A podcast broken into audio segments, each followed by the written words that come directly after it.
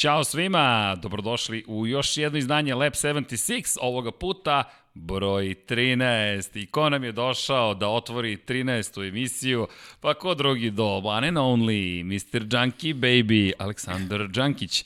Pa dragi Aleksandre, lepo te videti posle dugih meseci pauze. Hvala, ovaj, Lepo je od vas da razmišljate i o nama iz Udruženja manekena Srbije. Da, pa, I lepo je pa da... morali smo tako. Pa da ste O- ovo je- proširili, da, u redu je. Ovo je beauty epizoda. Mada kad sam vidio ko je sve gostovao pre mene, ja sam tek onda bio oduševljen što ću ja gostovati posle njih. E, misliš na, na koga sad kako Pa konkretno mi- konkretno na sve, da. na sve, na Divni momci, divni dojeni. momci. Pa dobro, ja mislim da je bio red da se pojaviš najzad. Pa bio je red, mislim, imam dosta obaveza i ti i ja nismo baš u najboljim odnosima, tako da, eto, Ali oček- ali ja, Bio je prvi reki cveta, Pa tako dobro. da ja cenim da možeš i ti da se pojaviš Slažem se, slažem se. za ovim stolom. ja sam iz bloka, tako da E, vidi, na imat ćemo emisiju, uh, najavit ću blok po blok. Pričat ću ti nešto više kasnije o tome. Bavit će se košarkom, ali kada si ti tu, šta to znači za ljubitelja auto motosporta? To znači da ćemo se baviti MotoGP-em. Da. Pa Vidim, lepo. uzbuđenje na nivou. Pa ne, nego ti si ovaj... ja sam uzbudljiv. Ja sam polugost, ti si poluhost. Polu domaćin. da, da. E, znaš kako mi je jedna osoba rekla? Da sam ja polu čovek, polu glas.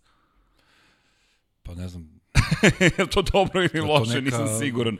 je li ta Ali- osoba završila fakultet za I, uh, određene medicinske grane ili či, ti je čisto prijatelj? ne, pa, pa prijatelj. Da. Mislim da, bi, da se mi danas nećemo ni dotaći MotoGP-a. Nego, lepo je vidjeti. Zaista, sad šalu na Hvala, stranu, dugo hvala. se nismo vidjeli poslednji put kada smo radili. Pre korone, što bi E, narod znaš rekao. kada smo mi poslednji put radili prenos trke MotoGP-a? To je bilo Katar. Moto3, Moto2, jel? Mm, Jeste se pojavili u A Moto3, MotoGP, Moto2 izvinjam se, a ne, ne, ja se izvinjam, e, znači to je neki novembar, čak i pre novembra. Novembar, novembar, Valencija. Tada smo Da. radili poslednji put trku MotoGP-a. Čisto da stavimo stvari u kontekst, u perspektivu. Danas, dakle, posle 7-8 meseci ćemo najzad imati priliku da pred mikrofonima pričamo o Moto Grand Prix. Pa bili smo u Valenciji 2015. tako da ja posle nisam, prošle godine nisam teo da idem u studio, šta sad. Zašto bi išao u studio? Zašto? E da, i Valenciju nismo radili, ja sam to radio Tako sa lica da- mesta. Wow. Pa poslednja trka nam je U šta, narednim Australija? godinama radim samo finsku. Kimi Ring, to zbog Kimi Da, Raikkonen ili da, nešto da. drugo. Okay. Ne, nego nikad nisam bio tamo. Tako. ne znam neka ne zameri, dakle, publika, ali mi se stvarno nismo dugo videli, a ja bih volao da, o, to, to je tako lepo ušlo sada u kada, u Znam, zvuk. znam, On je radijski namerno, voditelj, namerno. inače po vokaciji, tako da, ovaj moment, Namerno, namerno. ja ne mogu da verujem. Srđan mi, je, Srđan mi je rekao možemo da radimo malo opuštenije, možemo da ne radimo kao sa ostalim ovo ljudima. malo uz- uz- opuštenije ili više opuštenije? Kako je sad ovo? Ali, Treba da vidiš kako će zvučati sa vodom. ok, da sklanjamo šolju Black Panthera.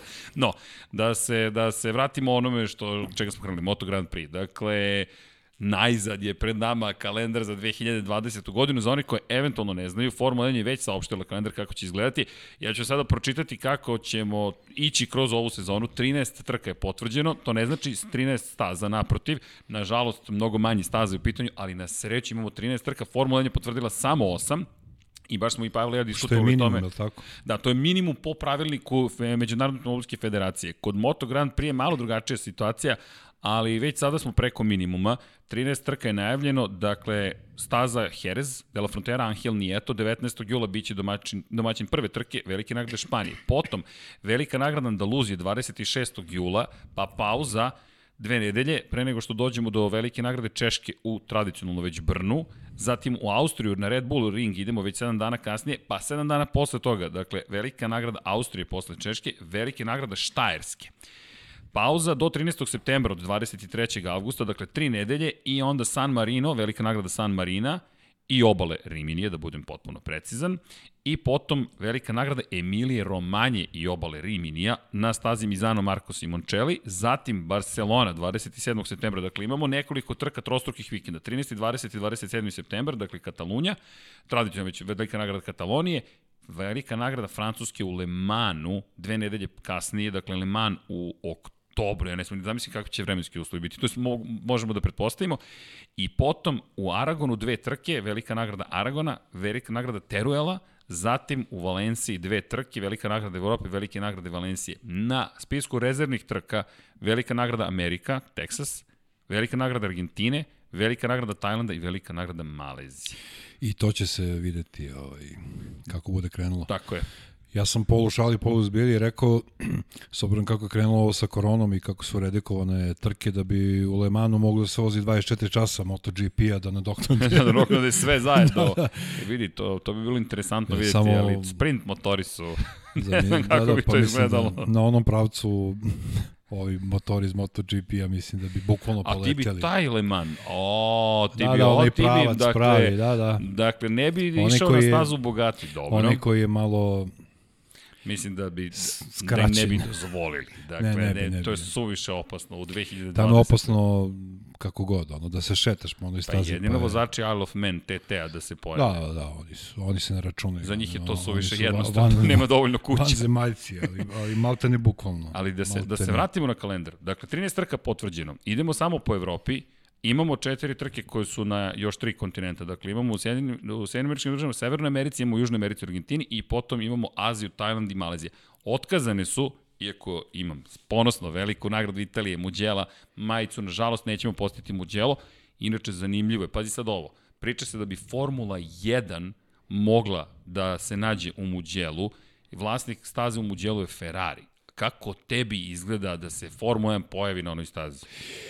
Pa, možda će se navijači Valentina Rosija naljutiti, ali to je možda šansa da neki italijan pobedi, ali opet to je ne znamo kako će Ferrari izgledati ove godine. Ali Ček, definitivno... Ti poješ na Antonija Đovinacija da u pa Alfi da ne, iznenadi. Što, što da ne. Ne, ne, ne, Đovinaci, ne mislim italijani, italijanska ekipa. A misliš italijanska ekipa? Da, da. Okay, rekao, okej. Okay. A još to bi tek bilo, ali, ali ovaj, ovaj mali je, vidio sam negde u vestima da Fetel planira da napravi neku kratku pauzu ili već šta od nekih godinu dana, ali ne znam koliko je to tačno. To ovaj, se... Ipak je u najboljim vozačkim godinama, mislim da godinu Pazi. dana u ovom sportu. Pazi, nastavljaš temu koju Pavle i ja smo pokrili u prethodna tri podcasta. Pričamo o Fetelu, koliko je velika zvezda Sebastian Fetel zapravo. Malo smo ih zaboravili. Da, pogotovo što Nemci su malo usahli, priznaćeš sa Samo vozačima. Samo jedan vozač još da, uvijek da. ostaje u šampionatu. Ne, imali smo do, do, do juče, što bi narodski se reklo, mnogo veći broj vozača, imali smo i... Imali smo i šest pre samo sedam godina. Apsolutno, i dvojicu Šumahera i ostale, ali... Kad se vratimo ali, tamo, da, to je, to je već vreme da, da, dominacije Nemačke. Da, to je već, malta ne, pola grida su bili Nemci. Ili nemačke ekipe, kako god hoćeš, tako da, ovaj, ko prati Formulu 1 ovaj, dugo godina, aj, neke stvari mu nedostaju u Formuli 1. Čekaj, imali smo eksplicitne zahteve MotoGP. Dakle, MotoGP, okay, okay, ne, ne, od, odo smo ponovo na formulu, ali samo mi je zanimljivo bilo zamisli pravac na kojem preko 360 km na čas imaš na, u MotoGP-u i se zamisli Formula 1 kako izlazi poslednje krivine u Muđelu. Da. Vitali Petrov je toliko bio uplašen posle testiranja svoje vremena u Renault u Muđelu kada su testirali da je rekao ne, ovo nije staza za Formulu 1. Ne, ne, ono je... Zastrašujuće, meni makar. I ona prva krivina u Muđelu, na onom a kočenju. A Nova Saveli, a, da. kada se spustiš dole pa na rabijate, ali, ali nažalost Muđela nemamo. Kako tebi izgleda kalendar? Ja samo da kažem i realizatori tebi, ja sam namerno ušmrknuo kafu, tako da, da ne, nemojte, da, da mi, nemojte da mislite da mi je ovo prvi put za mikrofona. Čuj, ne, zato se i šalim, znam što si uradio, ali nismo planirali baš toliki freestyle. A dobio ali... sam i ovo, nikad veću čašu, pogledajte ovo. Čekaj, Vanja, jel primećaš ovo, koliko mu je... Ovo je, ovo je za građevinske radnike, kad završe smenu. Čekaj, onda... dobio si Black Panthera. Da, da. Kao predstavnik hip-hop scene. Dobio si Black da. Panthera, ni manje ni više. Pe... I pobunio si se. Polupenzija, ali dobro. Polupenzija, ne, ne, pa, to da. ćemo tek da izvučemo iz tebe. Ali čekaj, čekaj, kalendar Moto Grand Prix. Da. Imamo 13 trka, Inače, što se Formula 1 tiče, želo bih još da... da.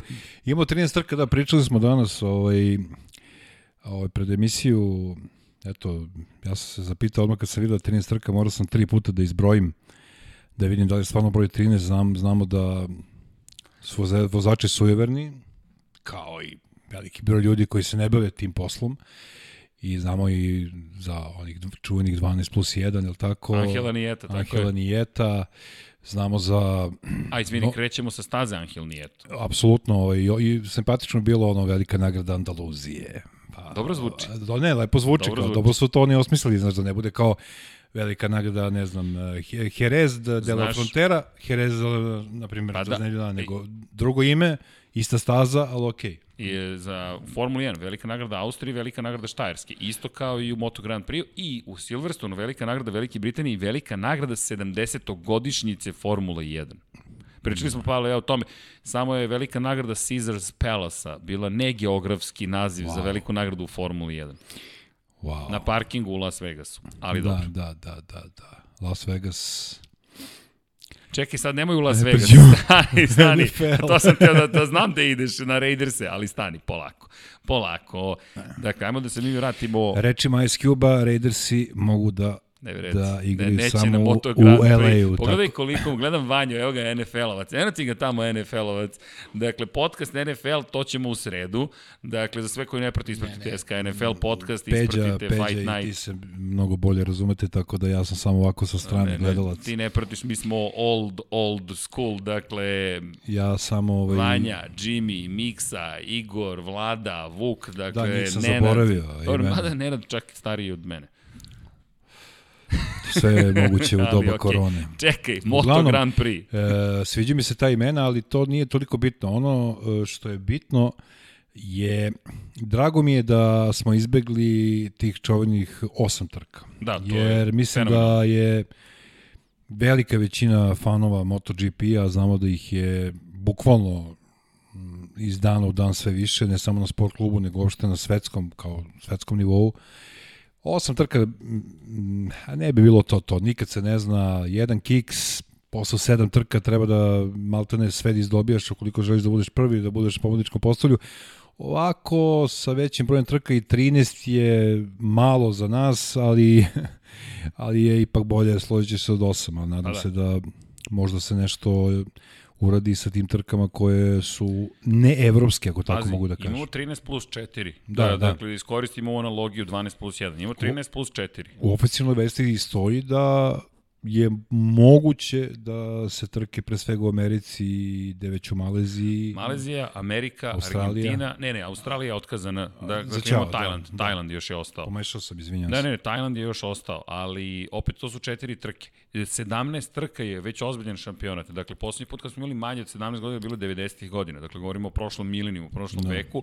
13, odavno nismo imali tako mali broj, ali bez obzira, 13 trka zamisli, iz ove perspektive, pre par samo nedelja smo pričali o tome da li će uopšte šampionat krenuti i kada, mi sada imamo Da. potvrđenih 13 trka. Da. Ja sam presrećen, Vidiš prezadovoljan. meni Australija, ono, nije slučajno da sam pogrešio, ja vidi. toliko volim tu Australiju, mada ono, slažem se s tobom, ti voliš to da kažeš da to je istina, kad je Casey Stoner tu vozio, Dobro, tu to je, je- zaista to je- bilo, uh, kreneš u petak i kažeš, uh, bit će za drugu i treću poziciju izuzetno zanimljiva borba, Pa, kao Mark Marquez na Koti, recimo. Pa da, da. Ili seća se Rosija u Koja- Muđelu. koja nije to, ali, za, ali otvaraš upravo ono što smo i pričali, to je tema, ok, s obzirom na činjenicu da ćemo imati skraćen šampionat na istim stazama manje više. Veliki broj tih staza je iz onog centralnog dela šampionata, kada su, na, kad nećemo reći da se baš lomi šampionata, ali uglavnom smo gledali kako u tom momentu bežiš konkurenciji, pre svega Mark Marquez u prethodnih nekoliko Leto godina. jesen. Tako je. Dakle, kraj proleća, početak leta, to je taj period. Imamo te staze. Kome daješ šanse i iz perspektive toga što ćemo voziti veliki broj trka u Španiji.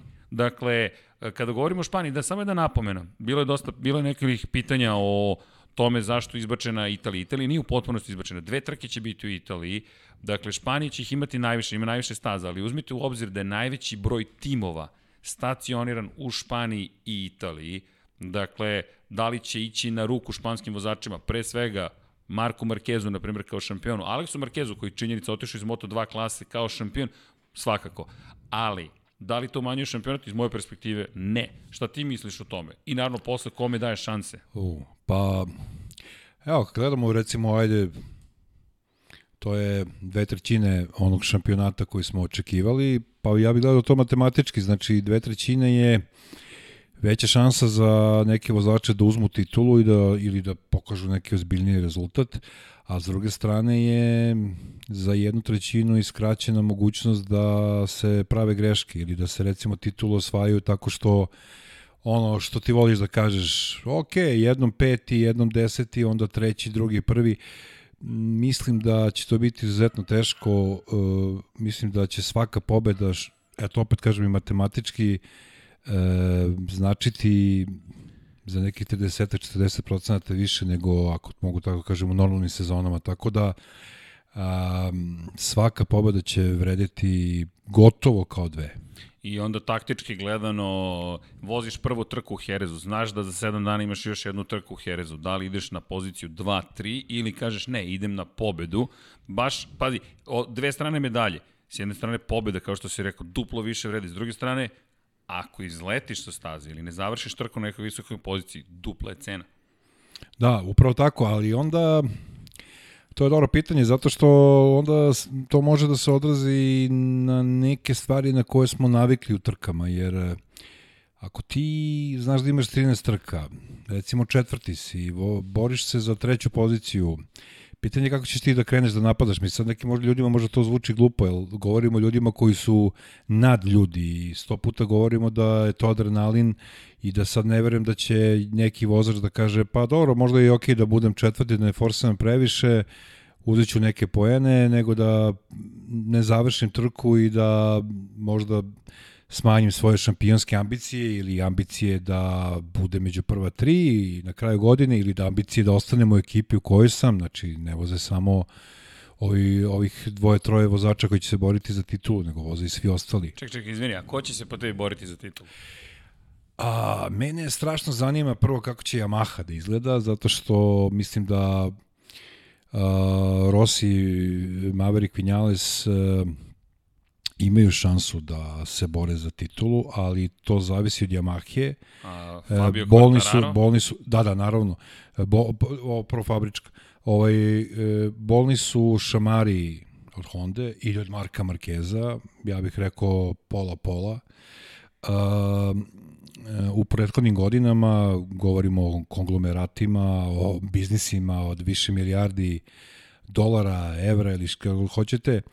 Quartararo bi mogao da bude čak i veća opasnost za Marka Markeza, jer je on ta apsolutni predvodnik te nove generacije i mislim da Mark Marquez E, opet da se ne zamerim Rosijevcima, ali mislim da on e, više razmišlja u ovom trenutku o Fabio Quartararu nego o Rosiju i Mavericku Vinjalesu. Zašto? E, e, Quartararo je pretvornik te nove generacije, o tome smo pričali u vreme prenosa u Kataru i pre toga on je sada u situaciji u kojoj su stariji vozači bili kada se on pojavio u najjačoj klasi. Znači, on je taj koji mora da kaže ček, ček, mali ne može to tako, ali... Ali pazi, Quartararo, mislim... izvini, Quartararo je dobio ugovor već sled, za sledeću godinu sa da. fabričkom Yamaha. Dakle, Fabio Quartararo ima obezbeđenu sudbinu iz perspektive toga gde će biti.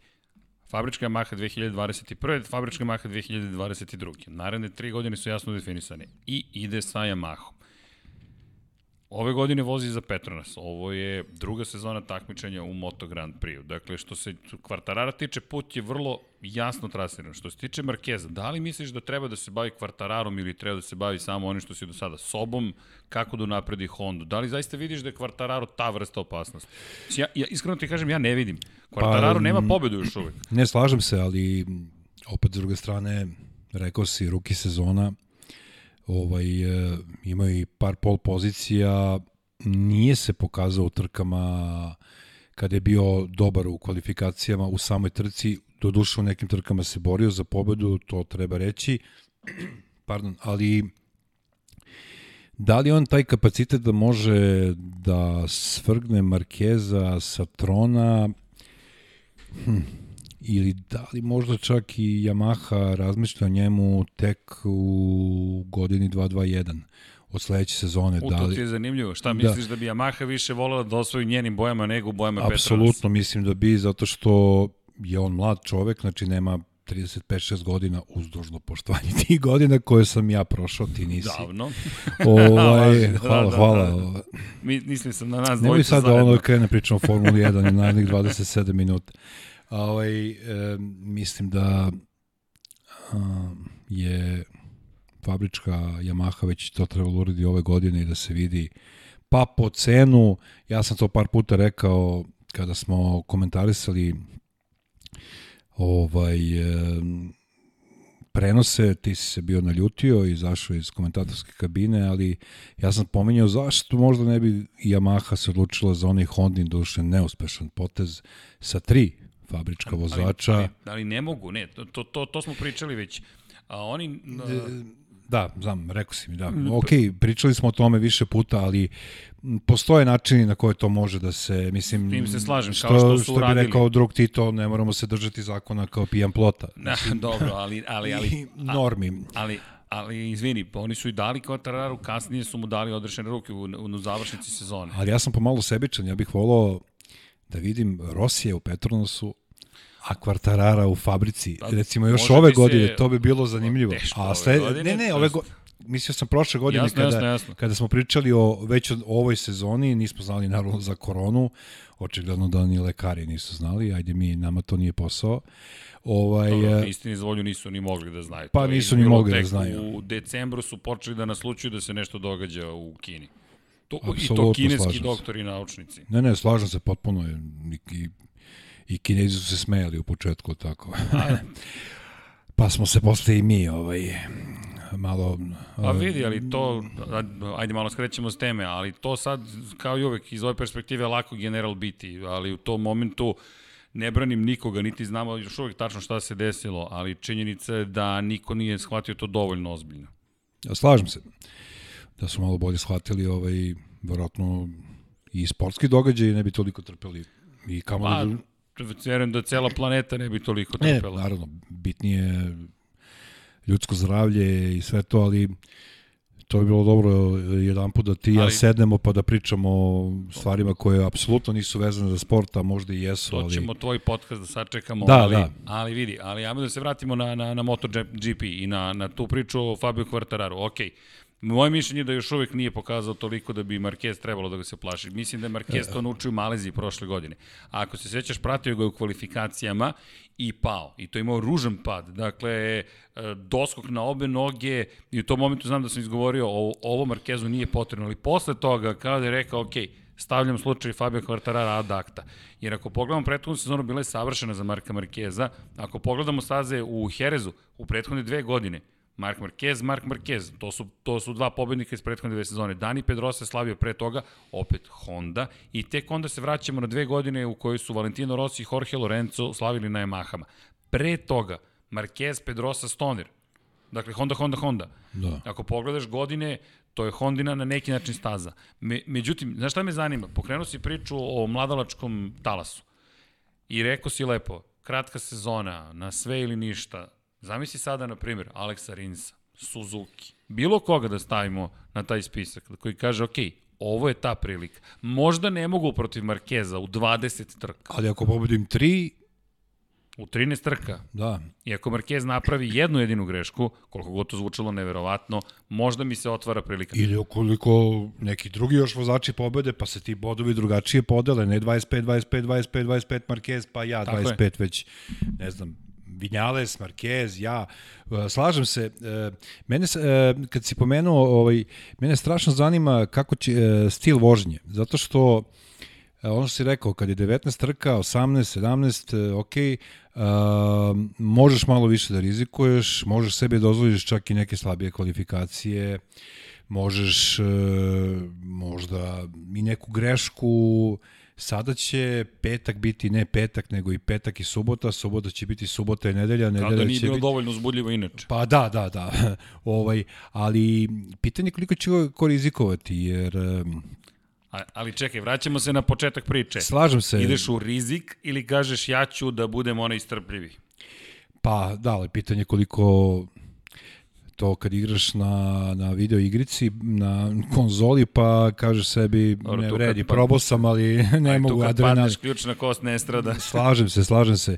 I, e, da, i to, da ne zaboravimo nikako dalje ga bilo, ovaj svaka povreda znači da apsolutno Pogledaj. titule su ništa u sve tri klase. Ka, upravo tako, dakle, gde opet, da li onda ideš opreznijom strategijom? To, Pa to, to, je ja mislim da će ja mislim da će šampion biti taj koji nađe tu finu liniju između sad mogu da budem lud, a sad ću da budem malo manje lud. Jer ja mislim da MotoGP-u nema ljudi koji su normalni, Pazi, imamo, barem kako je ono ozvaničeno mišljenje šta je to, ko je lud, ko je normalan, ja to više... Da, da, to bih ostavio i dalje opet. Stručnim licima svakako, ali, ali kada to kažemo, zaista ne mislimo ništa pežorativno. Dakle, govorimo samo o tome da to što ti ljudi rade nije toliko opasno, a opet svojevoljno to rade da je fascinantno. Fascinantno Da. je šta nama omogućavaju da vidimo zahvaljujući sobstvenoj hrabrosti i veštinama. Izvini, samo, samo, samo jedna stvar. Pričamo Jel sad o imamo povredama. Imamo, Vanju. Ali, imamo Mislim da tri doveze. puta, pazi sad ovo, imamo po tri puta, po tri trke za redom, kada su reč o vikend, kada je reč o vikendima. Znači, Devet- tri trke u dve nedelje u principu. Praktično, tako je, u, u tri vikenda, dakle, u rasponu od 14-15 Kalendarski je dana, to tri vikenda, tri u stvari da. apropo povrede, zamisli, i kao što si rekao, Dalje daleko je bilo, da se povrediš u, u jednoj od tih, u prvoj trci. Ti si izgubio tri trke u sezoni u kojoj imaš 13 Potencijalno trka. 75 bodova. Katastrofa. To je da. potpuna katastrofa. Što opet idemo ka tome, ajde da budemo prezniji. Ali onda dođemo do Kvartarara, na primjer, iako sam rekao da ne vidim da može to da uradi protiv Markeza. Kvartararo imao veoma mali broj padova prošle godine. Kao i Marquez, mada, ono što ne znamo još uvijek koji motocikl je najviše napredovao, Kvartararo će imati fabričku Yamahu, Maverick Vinales će biti interesantan, pa i Valentino Rossi, iako je najmanje pokazao predsezoni, ali opet čovjek 41 godina čekaj da skinemo slušalice, kapu, šta god.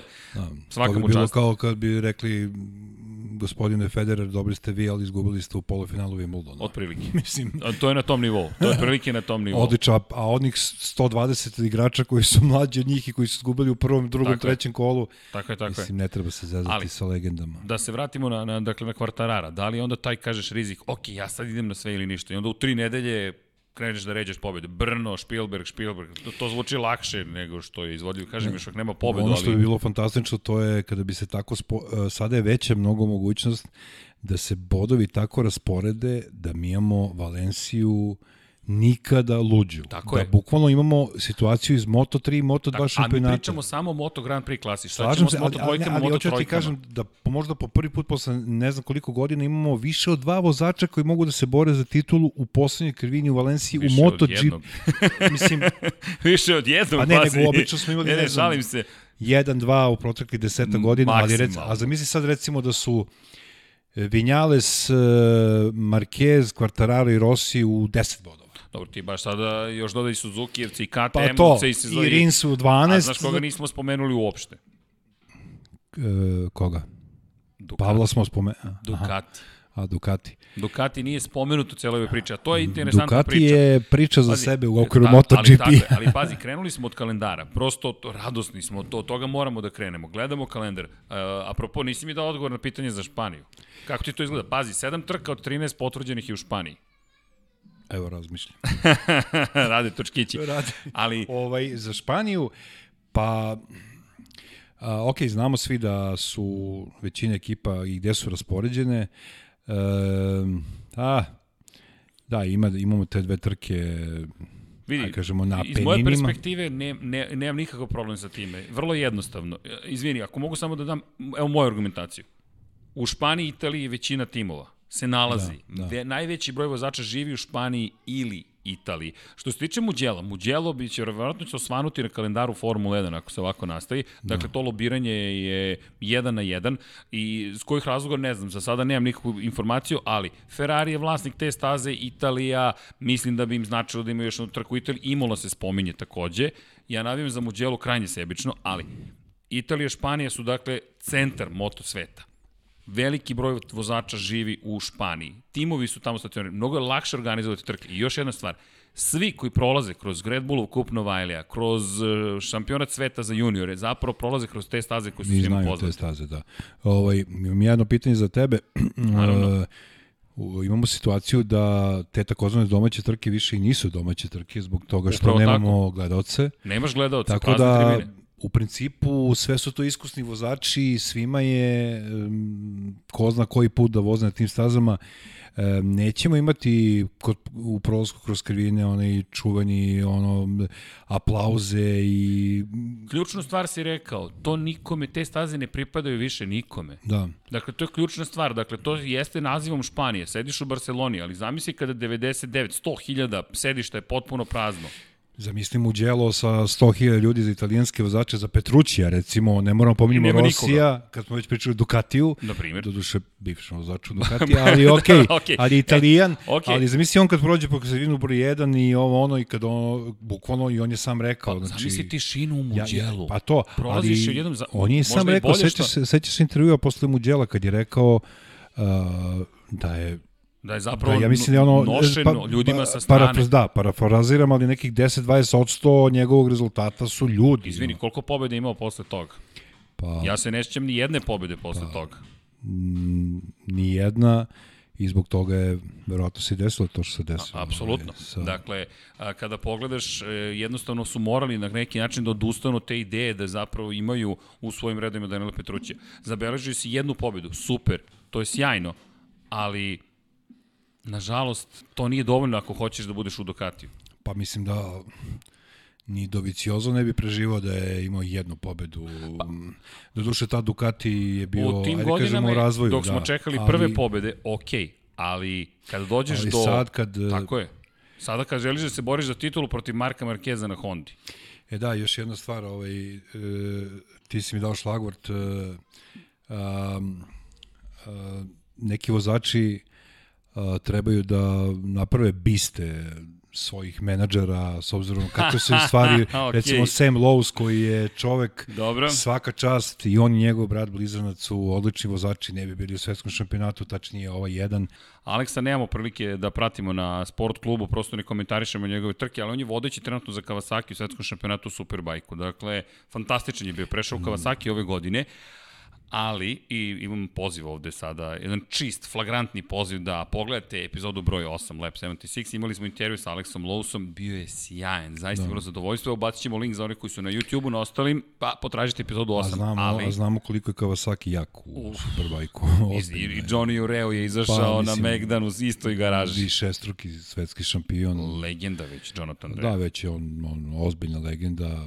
Pa, znaš da smo pričali i prošle godine i pretpoše, čini mi se, da, će da, doći u svetski šampion dok je Rossi tu, dok je Marquez e, tu, e, čekaj, da vidimo čekaj, kako čekaj, će on... sada, sad smo došli do menadžera. Sad smo došli do menadžera. Da, da. Dakle, spomenuo si Sema Lousa i ono što često pričaš, čovek koji je rekao, borit ću se za titulu, izvini se, borio za titulu prošle godine. Pa teško da je bilo prilika da uzme i pol poziciju i a, a kamoli, kamoli titul. Treba, pobedu ili titul. 23 kruga treba proći. I da se vratimo sad na odlazi Mark VDS Racing, ali zapravo je uvodu u još jednu dodatnu priču. Dok treba zlatom da pokrije svog menadžera, I još jedan čovek treba da nagradi svog menadžera, Jack Miller, mada je zaslužio, priliku prelazi u fabričku ekipu Ducatija. Pričat ćemo o tome, ali znaš šta me zanima? Šta da radi Alex Marquez sa svojim menadžerom? Posle, A... Za oni koji ne znaju, može se desiti da nije odvezao ni jednu trku za Repsol Honda, za fabričku ekipu Honda, a da ostane bez angažmana i da na kraju godine mora ulučiti Čekinelo Racing. Mm. A na njegovo mesto Pole Spargaro iz KTM. Konačan odgovor na pitanje Alex Marquez je menadžer treba da mu bude Mark Marquez. pa o. pa, pa da, da kaže, znate, znate, znate šta, ovaj, moj brat će da vozi sa mnom u fabričkoj okay. ekipi, ukoliko ne, Ja ću da okay. na Instagramu objavim da više nisam vozač Honda i dobar dan. Skočio si na ključnu temu zapravo, cijeloj ovoj priči. Mark Marquez je potpisao produženje za četiri godine. Ono što se dosta pitaju da li će Tako se desiti. Je. I produžio ugovor sa Hondom. Doveli su Aleksa Markeza na njegov zahtev, koliko da. god je bilo priče o tome da nije to eksplicitni zahtev, pa možda je bio implicitni, ali je bio i vrlo jasan zahtev. Doveli Sigurno su... je da nisu pitali Marka Markeza da li želi njegovog brata u ekipi. Marko obožava Aleksa. Dakle, govorimo o bratskoj da. ljubavi. Govorimo... Čak i seća se da za naše gledalce koji skorije prate MotoGP da smo pre 5-6 godina imali priču da je brži od, znači da je moj mlađi brat je, Mark brži. Marquez pričao pa, da je Alex brži. O, znači mnogo ga voli. obožava ga, ali zaista ga obožava. Mi govorimo o nekom ko... A, to, to je, je baš brava bratska ljubav. Ali jeste, baš je prava. Bra... Evo, pozivam vas ispratiti dokumentarce koje emitujemo na sport klubu. Dakle, mm. dokumentarac koji je između ostalog posvećen bio jedan od njegovih šampionskih godina, govori upravo o tome koliko je blizak sa bratom. Koliko je Mark blizak sa Aleksom Markezom. Alex Markez ha, nije spor. Titulu u Moto3 klasi, titulu u Moto2 klasi. Dani Pedrosa je to postigao Mark Marquez zapravo pre Aleksa, pre Aleksa Dani Pedrose, pre Danije Pedrose Manuel Pođali, pre Manuela Pođalija Valentino Rossi. Dobro. I pre toga Solidna- Loris Capirosa. Solidna ekipa Nisu vozača. loši vozači. Nisu loši. Not so bad, što bi rekao Što bi rekao Đoković. Đoković kada se... sa onim italijanskim kolegom. A, znaš kako, mm, Alex Marquez, upravo ono, ono o čemu smo pričali, o čemu si ti, što si malo prepomenuo, čovjek ima dve titule, da se ne zazamo, jedna Svetskog pobeda u svetskom, jedna pobeda u svetskom šampionatu, pa te pamte. Imamo ljude, i, i sam znaš, koji nisu, koji su pobedili jedan put u sezoni ili ni jedan put pa se borili za titulu. Ili je osvojili. I osvojili. Kao Emilio Alzamora, Kao njihov Emilio menadžer. Zamora i ovo, e, on imao, fanta, on je to sam sebi bio menadžer. A kao i ti svi, svi ti stari vozači ovaj, koji su ono, pusti me da vozim, ono, neću razmišljati, nije bilo Twittera i ostalih stvari, ali nećemo o tome. A, sve je to lepo, naravno, da nema podcast, tačno da nema društvenih mreža, ne bi bilo ni nas u ovom podcastu. Tako, tako Pa da bilo za- bi, pazi, Pa samo ko zna u kojoj formi. A i verovatno na, na trgu Republike bi iznali mikrofone. Ali uglavnom o, bilo bi ljudi. Ovaj, to bi bio veliki udarac za njegovu karijeru. E sad, e, i udarac i raskrsnica. Pazi, ako ga, po znacima navoda, ako, ru- ako možda ružno zvuči, oteraju iz fabričke Honda. Pa bukvalno je oteran. Da. On ako ode u neku, a mora da ode u neku drugu ekipu, on tu ima dva puta, znači ili će svima da dokaže, e sad ću ja vama da pokažem šta će se Ili- ili, ili će da propadne. Totalno, mislim, ne, ne može da propadne, on će biti odličan vozač, ali mi znamo, ipak je to, ok, menadžer i, I dalje je to čovek. ali opet dakle, je to živ čovek koji, kad izađe na stazu, ipak je sam, sa svojom mašinom. I sa mislima, a Da. ti si isteran iz ekipe. Sad, da li te to motiviše? Ne. I ono još veće pitanje, Mark Marquez kako reaguje na to što tim kojem je dao dosta, da se razumemo, evo, za mene jedan od savršenih, jedan od savršenih opisa, Ricardo Patreze, nezvanično u On the Grid, dakle, zvaničnom podcastu Formula 1 rekao šta smatra da odvaja jednog Ayrtona Sena, jednog Mihaela Schumachera od ostalih vozača, što mogu u nešampionskim bolidima da osvoje titule. To je Schumacher radio. Dakle, to je Schumacher radio. Sena takođe. Ili je makar pokazivao koliko je brz. Ako da zanemarimo one dve sezone u McLarenu kada su bili potpuno dominantni, ali setimo se, na primjer, možda i njegove najbolje sezone, 93. ono McLaren Fordu je beležio pobede i oprostio se od Adelaide pobedom od McLarena, ali I pobedio Mark- on nepobedivog Mansella u Monaku. da, čuvena, Vero- Vero, između ostalog, 92. Verovatno da. jedno od najlegendarnijih trka u istoriji. Bilo je tu malo sreće, ali znao da iskoristi. Jeste, bio je Monako da je bilo, bilo. Kod staza, ne, taj, pojeo taj. Williams je bio... Pojeo bi ga, uf, to je strašno. Ali, šta hoću da kažem, Mark Marquez nije nužno uvijek imao najbolji motocikl u Hondi. Naprotiv, pa je opet osvajao titule. I to je dao Hondi. I nije a baš da je bio Honda- uvek 100% zdrav. Tako je. A Honda je rekla, ok, dovodimo tvog brata i sad navodno kaže nećemo tvog brata, hoćemo Pola Espargara. Međutim, tu je počela priča još prošle godine, upravo i to smo pričali koliko je taj njegov potez rizičan, da bi mogao da stvori promenu u ponašanju Honda prema i samom njemu. Zašto? Honda već prošle godine rekla da bi možda želela da završi saradnju sa Repsolom posle skoro 30 godina. Zašto? Španski uticaj postaje prevelik za ukuse Honda. Koliko Da, to da. nevjerojatno zvučalo kad imate jednog Marka Markeza koji juri devetu titulu. Pazi, ovde imamo Markezovu zastavu. Taj čovjek ima osam titula. Rosijevu kacigu, devet titula.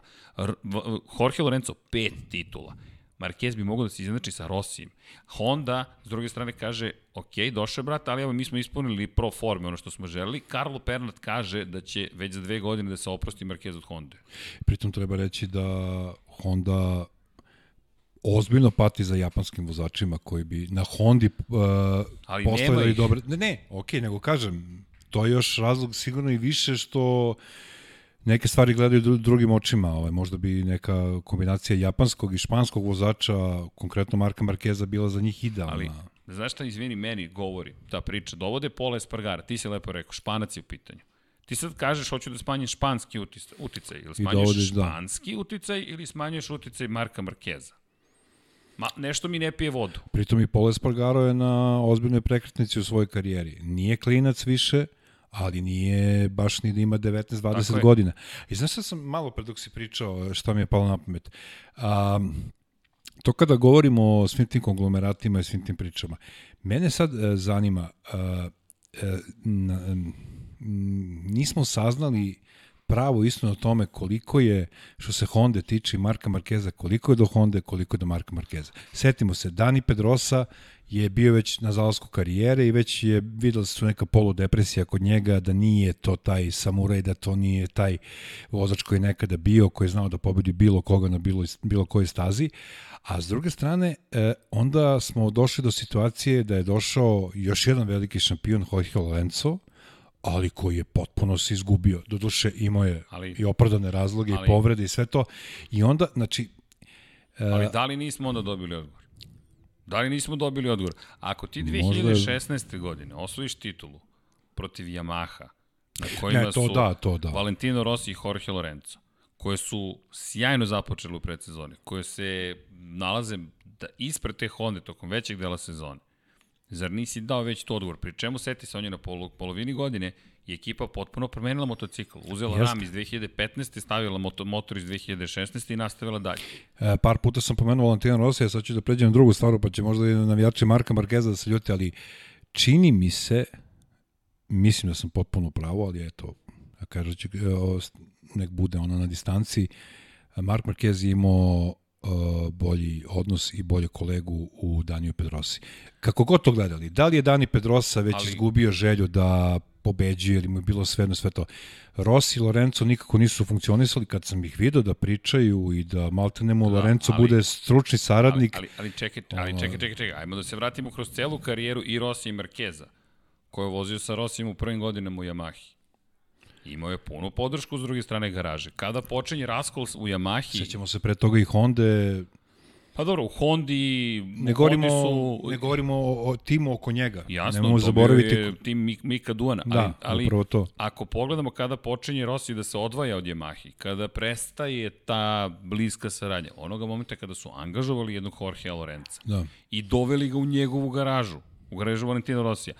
Kada je reč o Marku Markezu, Mark Marquez, da, došao je u garažu Danija Pedrose, međutim, kada pričamo o tom odnosu, seti se prve trke u njegovoj karijeri, sedeo sam malo iza Danija Pedrose, odmorio i onda sam ga pretekao.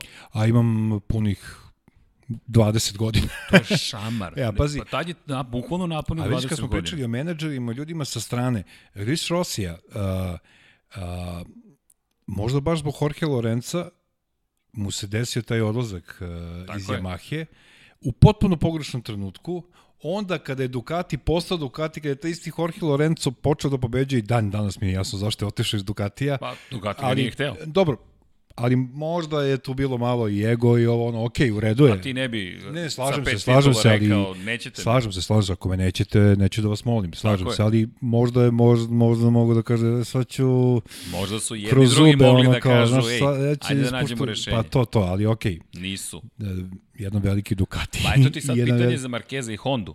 Jel Da. to njih isto čeka? Ali, ali ovo jeste poenta. Ok, doveo si jednog Jorgea Lorenza kod Marka Markeza. Zar to isto nije bio na neki način potez koji Marko Markezu govori želimo da testiramo i druge da vidimo da li možemo bez tebe. Da. E da, kad smo I? već kod toga, o, slažem se, da, da to jeste Lorenzo to. je bio skoro dve sekunde po krugu spori. Lorenzo. Da. Ne bilo ko. Nismo došli ti i ja, nije došao Vanja. Ne, Da. došao je Jorge Lorenzo. Pa, e, slažem se. E sad, e, na konto svega toga, meni je malo žao, e, dok se ne dotaknemo kalendara i ostalih novosti i novina u MotoGP-u. Kalendar, Dobro, već smo pričali, ok, ali kažem... Ovaj, vratit ćemo se, lepo da, da, izgleda da, da, lepo izgleda kalendar, pogotovo što ga nije bilo šest meseci. Tako pa je. onda i da ima tri trke mi bi se obradovali, ali ovaj, nekoliko koliko bi se obradovali ovako. Sa 18, 17 ili ovih 13 uzmi šta, daj šta daš. Daj šta daš, bukvalno. Kako je bilo, Ovo je super. Ali već, već smo počeli da čekamo ono, februar, mart 2021. godine, da bi razmišljali o MotoGP-u, tako da ovih 13 trka je odlično. Ali, Ali malo mi je krivo što Marquez nije, ovaj, što je produžio ugovor, možda neki ali ono Čekaj, 2 plus 1 ali ili tu 2 sad godine. dolazimo, ali upravo tu dolazimo. Volio bi da vidim Marqueza ali na čekaj, Ducatiju. ali tu dolazimo sad upravo. dovode, navodno, ako se to desi, Pola Espargara u fabričku ekipu Honda. Da. Dovodiš čoveka, ako se setiš, ti ja smo prenosili te trke u 125 kubika, s kim se najviše tukao i fizički Ne, na ne, stazi. oni se Sa Polom obožavaju. Espargarom. Da. S tim što je karijera Pola Espargara otišla na potpuno drugu stranu. Jeste osvojio titulu u 2013. u Moto2 klasi, ali to je jedna titula nasuprot osam titula Marka Markeza. Da. Nasuprot šest titula u Moto Grand Prix klasi. Nema pobedu u Moto Grand Prix kategoriji Pola. Espargaro. Ali, kažu, stil vožnje koji ima Pola Espargaro i posle Renomea koji je ponovo stekao u KTM-u, navodno žele da ga vide. Ja iskreno, koliko god, i dugo sam zastupao priču o tome da je Pola Espargaro odličan vozač. I stojim iza toga, ali porediti ga s Markom Markezom i meni nestvarno. Mislim da ćemo do, doći do toga da Mark Marquez sada, ali ne toliko ni što dovode Pola Espargara, jednog Jorge Lorenza je ostavio iza sebe. Pola Espargaro ne vjerujem da će biti prevelik zalogaj. Ali izbacuješ njegovog rođenog brata iz ekipe. E to može da dovede do ovoga što ti sad se pitaš. Da, da. Ko će, Jel- da li će doći u KTM? On jeste potpisao na četiri KTM, godine, ali to ne mora da znači ne mora da znači da će on da ostane te četiri godine Honda. Tako je, Postoji to- je verovatno to je pitanje. kao u svim ugovorima, u svim sportovima izlazne kao klauzule. I šta onda? KTM? Pa, ja mislim ako bi osvojio titulu na KTM-u da bi mogao da kaže To je kraj. A to je kraj. Doviđenja. Ali pazi šta je zanimljiv krug. Znaš ko je prvi pobednik u istoriji Moto Grand Prix? To je sve tri kategorije koje je pobedio na KTM. A, pričali smo o tome u Da rubrici sećaš? verovali ili ne. Kad je to bilo? To je bilo uh, u Moto3 kategoriji. Uh, nije ni prosto, ali u 125 kubika. A, znači, znači pre Moto3 kategoriji. Pre Moto 3 kategorije. U KTM-u. Pazi, postoji ozbiljna veza, iako je zaboravljena, s Markom Markezom. I sa Rosim, i sa svima. U, to je, to, su- to je ona sezona kad je... U, Hoćeš se. pomoć prijatelja? Ajde, ali ono... Hoćeš možda od nacionalnost zovi nekog vozača? Hoćeš prijatelja. nacionalnost vozača? Ajde. Australija. Mm. Da, Ovo je upravo taj. što je dobar na domaćoj stazi. Onaj što nije loš na Ducatiju. Da, da, da. Casey Stoner. Casey Stoner. Je prvi pobednik u istoriji KTM-a. I sad zamisli da odeš u KTM i osvojiš prvu titulu za KTM, a nasledio si Stonerom u Hondi. Inače, Stoner se nedavno pojavio u javnosti i rekao da je Marquez radio na tome da ga istisne iz ekipe Honda kao probnog vozača. I sad zamisli ako je to istina, a, a ako neko ne štedi nikoga i uglavnom govori kako vidi stvari, to ne znači da je u pravu, to je Casey Stoner. I sad zamisli ako Marquez zaista ga istisnuo i ti sad dovodiš nekog pola Espargara u To su njegovu dva ekipu. ozbiljna ega. Kakav je to Casey. Stoner i Mark Marquez. Pa pričali smo danas, zamisli da staviš, uh, kad bi moglo to da uđeš uh, u DeLoreana i da ukucaš datum Okej. i da recimo uh, Michael Jordan i LeBron James igraju u istoj petorci. Ok, hoćeš potpuno Koliko, lo, koliko lopti bi nam trebalo? Ok, A samo mi reci jedno, jedno tri. Evo imamo jednu ovde. Jednu za Jordana, drugu imamo... za... Ne, ne, jednu za Jordana, drugu za za, Kinga. i treće za ostalu trojicu koji su u petorci da se dodaju. Dakle, Tako da, hteo sam nešto da me pitaš. te da sam te pitam, Da. kad mi već daješ te ludačke ideje. Ok, hoćeš tu igru, Ja do kraja igra. Zamisli Marquez dobije novog klubskog kolegu koji je ostao bez angažmana u fabričkoj Yamahi. Aha. Hoćeš ludilo? Hajmo u ludilo potpuno, kada smo već otišli u ru- rubriku luda, Ili da se, luda ja, kuća. kad krećemo u, u, Ne, ne, ne. u čekaj. ludi grad, da se Yamaha i Honda naprave zajedničku ekipu je. Yahonda ja Honda. i da, i da Ja Honda. Ali čekaj, ajde sad. Ja- Rossi je bez ugovora. ja, Eto, ja potpiše obo- za Repsol Honda da zamisli- se oprosti od, od, od zamisli- zamisli MotoGP-a. Koliko je divno ti ljudima koji igraju te fantasy lige i ovo ono. čekaj, ali pa eto ti- staviš eto ti Valentina Rossi i Marka Markeza u fabričkoj, motocikl. u fabričkoj Honda. Tako je. Eto. Ja još nisam čuo ovaj predlog. I Rossi kaže, e, sinko, ja sam vozio ovo, ali tu, tu je bi to Da bilo ka- davno, ko davno, kaže sinko? davno. Da, da, da, Pazi, sad, sad si spomenuo Jordan, da. James. Pa oni bi vjerojatno preko advokata Čekaj, razgovarali. Vanja bi progovorio na slušalice, nema mikrofona ili veruj mi u ovoj temi bi E, progovorio. znaš kako bi to bilo? Uh, dva advokata, gospodin Cohen i gospodin Lebrovski. Uh, gospodin Rossi, to jest, kaže, ja sam, ja sam, ja sam, ja sam rekao advokatu, ali, ja nemam ajde, sa Markom šta da pričam. Šalimo se, ali to je nemoguće, nemoguće misija, ne možemo ih porediti. Slažem se, ali tere, to ne znači da ne možemo godišta, da sanjamo. Ja, ja bih volao da Rossi potpiše za Hondu i bude konkurentan na toj Hondi, zašto? Pa, ja, što da se mene tiče, ja bih volio i Seteđe Bernau da se vrati pa da okrene par krugova sa Rossi. Moto klasi je bio, ali nije. Ne, volio bi oni Rossi da okrene još par krugova, vratno bi se ne, negde bi bilo, ja izvini slučajno. U Herezu dve trke. Ili, ili rimski imperator, to ne smem ni da, pa, dobro. to već. Ali da, ali dobro, otišli smo već do Maxa Bjađe. Ali evo, zašto da ne, Rossi ostaje bez ugovora, potpiše za Repsol Hondu i to je to. I kaže gospod iz Yamahe, ja, ću ja sam ambasador četir... Honda da. za ostatak života. Da, i onih par stotina miliona ali i više dolara. Ali to se neće desiti. Ne znam ko bi pre trebalo desiti, da oprosti, ali... Honda ili Rossi, jedi drugi. Verovatno. E, čekaj, tu nam je autobiografija. Mm, gde je? Ja mislim da... Eno je, Valentino Rossi, di autobiography. Tu je zanimljiv, zanimljivo poglavlje o tome kako oste, otišao iz Honda. Ali da se vratimo mi na, na, na sadašnjost. I pričat ćemo i Rossiju. Rossi još nije potpisao za Petronas. Onda, da. Vidi, ja sanjam i to. Želim mm. to i želim Lorenzo da potpiše za Petronas. Znaš da je Jorge Lorenzo rekao, ukoliko se ukaže prava ponuda, vratio Vraćam bi se. se. da. Pa i Jordan se vratio. Dobro, Jordan nije dva put, Lorenzo. Dva put. Pre bih rekao da... Ali čekaj, Jordan se dva put vratio. Ne, ne, slažem se. Slažem Prvi put se. uspešno, drugi put da. ne toliko uspešno. Ali to bi bio apsolutno, ja ne znam. Ne, ne, nevažne su pare. I pritom to ne pričamo stalno. Petronas imaju, ali Petronas ostaje sa dodatnim budžetom, s obzirom na činjenicu da se sledeće godine smanjuje budžet na 145 miliona dolara godišnje plus plate za vozače u Formuli 1. To je mnogo manja količina novca nego što je trenutno potrebno. No. Neophodno trenutno da se učestvuje u Formuli 1. Petronas može da plati i Valentino Rosija i Jorge Lorenzo. Takođe mora da vodi računa, i to je razvan da Zali rekao, šef ekipe, da bude konkurentna ekipa. Ima jednog Fabio Quartarara i ima jednog Franka Morbidelija ali opet, uz dužno poštanje prema Frenki, koji ko zna, možda će ići u Ducati, ko zna gde će ići, Ka, da.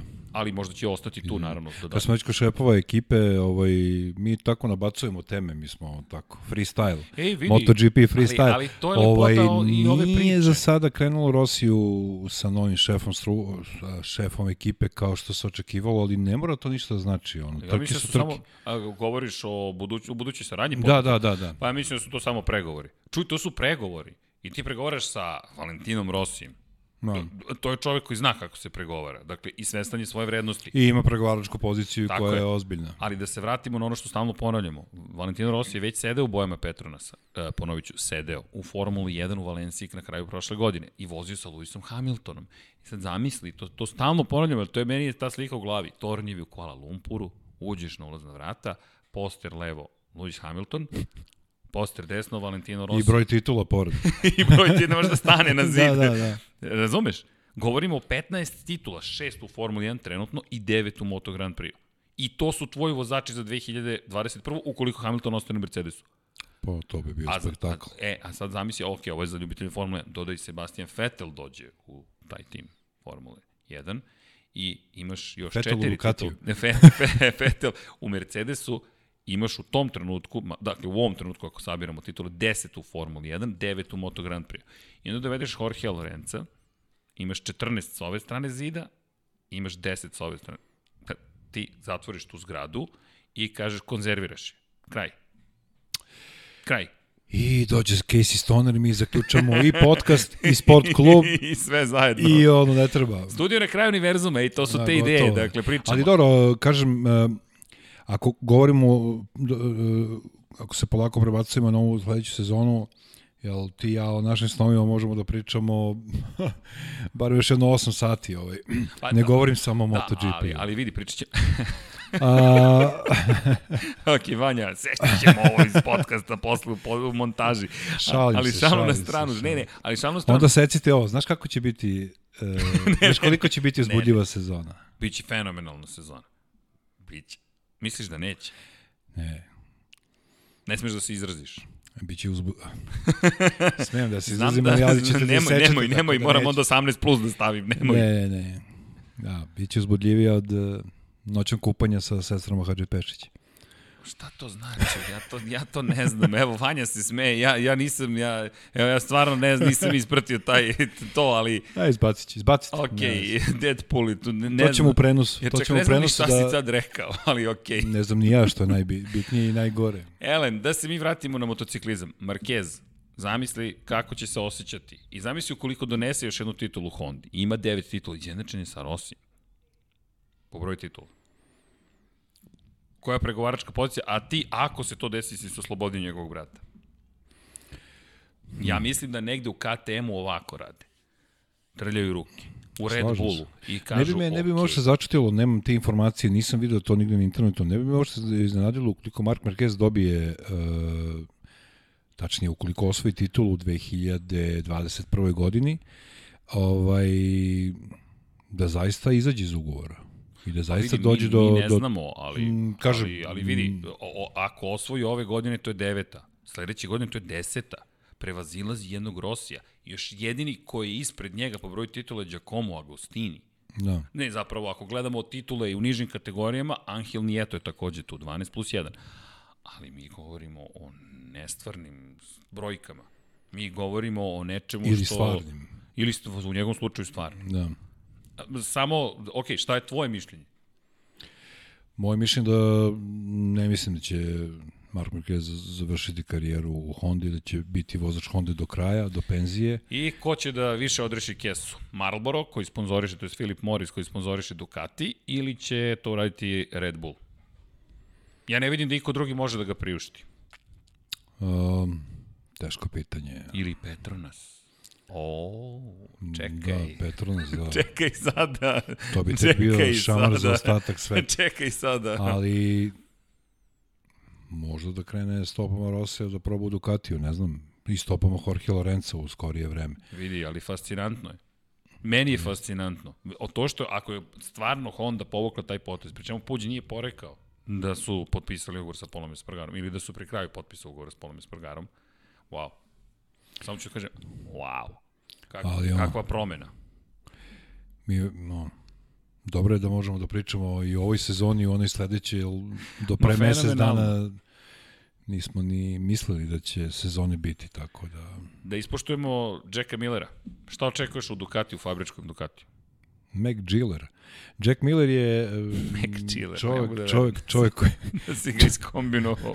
ovaj, da je, da je ovaj, on čovjek koji je zaslužio, slažem se popuno s tobom mesto u fabričkom Ducatiju, vozio je Ducati, ne, uh, nije bio u poziciji u kojoj je sada, uh, Petrući je popularan vozač i kod naših Jeste. ljudi sve to... Volimo ga, sve ali, okay. ali, ali imamo rezultate. Ovo nije mis sveta Evrope ili bilo šta. Ali, niti, niti, niti društvene mreže su bitne u ovoj situaciji koja je popularna ko nije. Naravno da, da je Petrući fantastičan vozač. Jack Miller je popularan. Da, da Ako je neko popularan, jest, to čovjek jest, vozi jest. razbojničko odelo u Australiji, da, dođe da. do treće pozicije. Da, Jack Miller koji, eto, i, i, i ukrali, ne, ne kažemo ukrali, ali, bo bože, kažemo, ukrali su mu onu jednu o, čekaj, čekaj, kako su mu ukrali. Čekaj, sad opet mi na Aleksa Markeza. Za one koji ne znaju, jedno tome pričaš, 2014. Uh, pričam, ne, A, ne, ne, ne, za dobro, MotoGP, dobro, dobro. za MotoGP Izvini, već pričam. pomislio da smo otišli tamo. Ona čuvena. Pobeda u Argentini, da, da, da. apsolutno su mu ukrali. Da, onda Stojim imamo, pri tom. imamo konsenzus. Ovaj... Ko je za? o, i Vanja je, Vanja. Pazi, Vanju smo polako ga uvlačimo u te automotovode. Da. Ali čekaj, izvini, prekio sam te. Ukrali su mu pobedu u Argentini. Ukrali su mu pobedu u Argentini, definitivno ali e, lepo će to videti, e, lepo će biti videti, pardon, e, jednog starog, starog po znacima navoda, biološkim godinama, to nije staro ovaj, čoveka iz, iz, iz Ducatija i videti mladog vozača Čekaj, čekaj, na, na koga si mislio kada si rekao jednog starog čoveka? da. A dobro, da. Ne, čisto da znam. Ali šalno na stranu, jesi siguran da će Doviciozo biti tamo? Doviciozo još nije pro, produžio ugovor. Broj 04, zato i kažem, ali... Andreja Doviciozo nije produžio E sad, tu postoji ona varijanta, izvinjam se, e, da li će Dovi baš zbog toga da potpiše novi ugovor, da bi razjasnio neke stvari koje je prvi vozač Ducatija, ili baš zbog toga neće? Jer e, znamo da je Doviciozo bio u Hondi i to u fabričkoj Hondi, to je ona sezona e, kada je moglo da se vozi sa tri fabrička vozača, ali gde bi Do i išao iz Ducatija, to je ono, mislim, ne može... KTM. Pa znam, ali... Čekaj, ali zamisli KTM. Dovi predstavlja, pa ako pričamo o sponsorima, Dovi je Ali, u saradnji da li sa... može da pobeđuje u KTM-u? Ali pazi sad ovo, Dovi je u saradnji sa Red Bullom godinama. Red Bull nema finansijske probleme. Čak ni danas. Da. Nema finansijske probleme. Imaš Red Bull KTM ekipu. Dovodiš Andreu Dovicioza, koji je svetski šampion, ne zaboravimo, svoju titulu 125 kubika, koji je baš na Red Bull ringu više puta pobedio Marka Markeza u poslednjoj krivini poslednjeg kruga. Znaš, to su neke veze koje postoje. Postoje poslovne veze. Mi ne znamo šta bi on mogao da donese jednom KTM. Po mom mišljenju, bolji je vozač od Pola Espargara. Ti ga dovodiš u momentu kada on traži nešto novo. Pitanje je koliko mu, ako pogledaš dokumentarac iz prethodne godine, Relentless, dakle on ne odustaje, ali odnosi u Ducatiju su specifični. Ducati stalno kritikuje. Stalno kritikuje. Evo pogledaj Jacka Millera. Jack Miller je sada dobio priliku da vozi za fabričku ekipu Ducatija. Prošle godine, u ovo vreme su hteli da ga otpuste. Pre tačno 12 meseci Da, da. se pričalo o tome da Jack Miller mora da ide iz pramak Ducatija, jer ga Ducati ne želi. Pa zato ljudi prave paralele između Ducati i Ferrarija. E, ja mislim da je lakše izboriti se za neke stvari u tolikom, u toj Hondi, u, tom, u toj Yamahi, gde imamo te svetske šampioni i sve to, a Ducati je nekako, po znacima navoda, manja priča u nekom globalnom smislu, mada naravno Ali- i oni su multimilijarderi, ali nekako kod njih su po, važe potpuno drugačije pravila Ali- za neke Ali, stvari. ali znaš kako meni izgledaju? Kao da odlučuju od nedelje do nedelje. Ka- Evo, pitanje za tebe. E, ok, ali Vidi. zašto e, pustiti Jorge Lorenza? Daj mu šta traži. Ali upravo to hoću da ti kažem. Jer je Vidi izgleda provalio, isto. da se slengu izrazim, provalio taj motor. Ali, ali vidi, to se desilo pre nego što je provalio motor. Pre nego što je provalio motor, oni su već njemu rekli nećemo produžiti Ali ugovor. verovatno se, već se videlo i tada srđane da, da napreduje. Znači, ali on je ti- konstantno napredovao. ali- Nije ali- pobedio slučajno i onda kao... Da. Ali upravo to i govorim. Dakle, utisak mi da od nedelje do nedelje donose odluke. Pa ne bi me Ove začudilo. nedelje potpisujemo ugovor Jackom Millerom. Sledeće nedelje, e, ipak nećemo Jacka Millera. Jer pazi, Jack Miller, u momentu kada ga otpuštaju, je već bio na pobedničkom postolju. Pet puta je bio prošle godine na pobedničkom postolju. Dakle, kada se zaokruži cijela sezona. Pet puta je treći bio. Pazi, na Ducatiju. U pramaku. U pramaku. Ako pogledaš Danilo Petruća, jedna pobjeda. Tri puta ukupno je bio na pobedničkom postolju. Da. Dakle, ako pogledamo Petrućija i fabrici. prošle godine, na fabrici, 11 poena više ima Danilo Petrući na kraju godine. I to zahvaljujući boljem početku sezone. Ali treće mesto u Francuskoj, pobeda u Muđelu, treće u Kataloniji.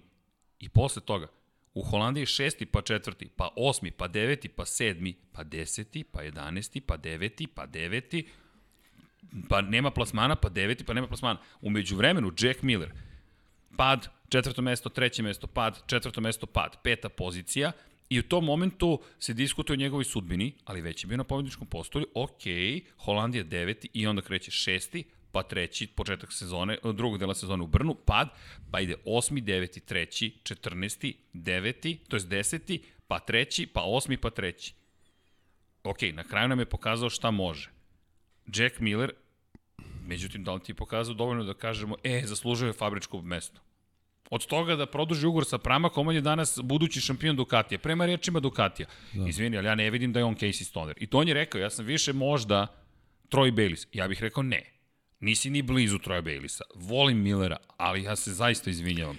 Troy Bayliss, to je stratosfera. Pa, znamo, to, to, je stratosfera. poređenje sa nekim vozačima i šampionima iz prošlih vremena. Šta, nosim istu zastavu pa ću biti podjednako brz. A, mislim, mislim pogotovo poređenje sa Casey Stonerom. To, Pa de, to de je sledeći italijan koji će osvojiti devet titula? Ako osvoji titulu Ducatiju, onda može da kaže šta sam vam rekao. To, to je super, ali Ja to ne vidim. nisam siguran da može da dobije Markeza u, uh, u Hondi. Ok, i koga dovodi onda Ducati? Umesto Andreja Dovicioza. Pošto im Dovi nije dovoljno dobar, on je samo na poziciji broj 2. Hmm. Da li može s Markezom? To je drugo. Marquez je kao Rossi. To su tri najbolje vozača svih vremena. Giacomo Agostini, Valentino Rossi, Mark Marquez. Da. Što se mene tiče. Kraj. Dakle, kraj. To su tri anomalije. Mi govorimo o 70 ja, kusur da, godina. Kapiram da ta tri čoveka da voze bicikl da bi bili. Bukvalno bi bili prvi. Ali u možda možda znaš šta, uh, uh, znam da Dovi ima puno fanova ovaj ali možda će čak Ducati da traži neko osveženje. Sigurno hoće, ali ko je to osveženje? E pa Jack Miller, šta bih on sve znao- titulu protiv Marka Markeza. pa Vidi, ajde, ajde, ajde da ko- budemo realni. Mislim, ja se zaista izvinjam ako zvučim surovo prema Jacku Milleru. Ima jednu pobedu na Hondi i da očekujem mnogo od Jacka Millera. Ali kako on ide na Marka Markeza i konstantan je iz trke u trku, ja to ne vidim. ja znaš šta bi ja volao? Nepristana po, ponuda Jorge Lorenzo. Opet, da ga vrate u Ducati. Da. Ja bih volao da je ostao u Ducatiju, da vidimo Naravno, to čudo. To ali, bi bilo Ali, ok, i ako nemaš Jorge Lorenza, ko može protiv Markeza? Ko? ne znam, ne znam, ne znam ko bi Evo, mogao. Maverick je odbio da ide u Ducati. Uh, pa onda jedino od možda Alex Rins, niko drugi, ja ne znam ko bi Quartararo? Quartararo da, ali mislim da će Quartararo Kako? Yamaha ga je zgrabila. biti za, to sam upravo teo da kažem, mislim da će biti u zatvoru po Znaš ko znacima. će da osvoji? Hoćeš ludu prognozu. Ko? Joan Mir dolazi u Ducati. Pa može da bude. A? Mada mislim da je pre za Rinsa Ducati. Iskreno. A naš drugar, e, šta se događa sa našim drugarom Joanom Zarkom, e, apsolutno mi jedan od... Ej, eto, bravo, kada si, ka, Zarko, pazi, ka- ajmo, pa, ajmo ludu. To ti, to ti kažem. kada si najluđi među ludima, to znači da si obišao igricu i da ti u stvari možeš samo da se vratiš i da budeš normalan. Ali vidi, Ja vidi mi znam- osmeh na licu. Zamisli Zarka na fabričkom Ducatiju. Pazi, I- on će imati ozbiljan Ducati. Poslednji krug, prošla poslednja krivina i on pušta Markeza i kaže, znam da si Ajde. brži. Za sve koji ne znaju, protiv Nikola Saterola to je učinio 2011. na stazi Mizano u, u 125 Kada su svi mislili da, da ostaje bez goriva. Šta se Čisto događa da se razumemo, Izlazi iz poslednje krivine u levo. Prvi je. Prvi je. Terol je ovde i on maše ajde ti ispred mene da bi celom svetu pokazao kako Terol ima bolji motocikl. I gubi da. prvu pobedu Ja sam te pobedio, ali u principu Čekaj. pobedi ti, jel ti je bolji? Šta ti se mota po glavi u tom trenutku? I od celog tog ludila uh, kažeš, ej, idem ja sad, idem ja sad u. KTM, ovaj... Čekaj, kako da ga ne voliš? Ne, pa on je apsolutno... Čovek je e, dao otkaz KTM-u u pola sezone na kraju dobio priliku da sedne na Repsol Hondu, zapravo da ode u Hondu i na kraju u celoj toj priči, zapravo Luči Čekinelo, Racing Hondu nije Repsol, i na kraju te priče dobio ugovor sa Ducati. Pa pazi, Zarko je čovjek koji u odnosu na ono, iako Sjajno. je imao uspeha, naravno, a u odnosu na ono što je uradio u karijeri, a šta je mogao da uradi, ima apsolutno najveći broj fanova na svetu. Kada gledaš tako matematički, znači nije da. španac, nije italijan, Misliš, procentalni on. Znači, kad gledaš procentu, jednačine i nejednačine, čovjek je apsolutno osoba koju ne možeš da ne voliš. Ja ne znam, nisam čuo nekog čoveka koji je rekao da mu se, da mu je Zarko, ne znam, ako možda mu nije nešto Vidi, cool, ali budi emociju sigurno. da. A budi emociju sigurno, On ali... meni deluje kao recimo neki profesor e, srpskog jezika iz srednje škole, na primjer, onako sam... Vidi, ti ja se, ja bih rekao, lepo zabavljamo, ali... Da. Ajmo da se... Ugasit će ti podcast posle Džankić. Neće, neće. To je ta to 13. tek emisija. Počinje, to, To je je ta 13. 13. emisija, emisija, to da. 12 plus 1, tako ćemo da napišemo. E, da, da, odlično. I Srđan Plođankić. ne baš, ali dobro. Ovo je dobro što eto može da se da sam znao ovaj Ranije bi došao. da E, vidi, kupio bi six pack. a, zaboravili smo, nismo zaboravili, ali imamo... Prvi put u životu da radim podcast ovaj, sa vodom. Vanja, ovde Džan- neka kritika, ja mislim Džan- na naše gostoprinstvo. Šalim se. Džankić na vodi. Evreni, set, iseći ćemo sve. E, hvala. Onda. Da, okej. Da, i tako. E, Karl Kračlov. Karl Kračlov bi mogao da ostane bez angažmana. E, vidiš, celoj Karl toj priči. Kračlo je sušta suprotnost eh, Joana, Da, da, da, ne Zarka. Joana Mira, nego Zarka. E, mislim da je mm, brz vozač, naravno to svi znamo, Uh, previše nadobudan, uh, jako je u intervjuima, koliko sam čuo od vas i sve to, čovek koji ovako nema dlake na jeziku i sve to, međutim, Ma- mislim da njegov intervju i njegov stav prema MotoGP-u nije a, a, u analogiji sa onim što on pokazuje na stazi. Da se politički korektno izrazi. Šta želiš tačno time da kažeš? On me je živo zanima, pošto je dao zanimljivu izjavu Kraču, e, da baš i ne voli da vozi Mnogo pričaš, malo radiš, sine. Opa, okej. Okay. Osviđa mi se, od deveti je bio prošle godine u šampionatu. Čisto podsjećanje radi za sve nas. Okay. Dakle, ja se nisam sećao pre emisiji gde je bio Karl Kračov prošle godine. Rekao, okej, okay, čekaj, gde je deveta pozicija? Pa to nije baš...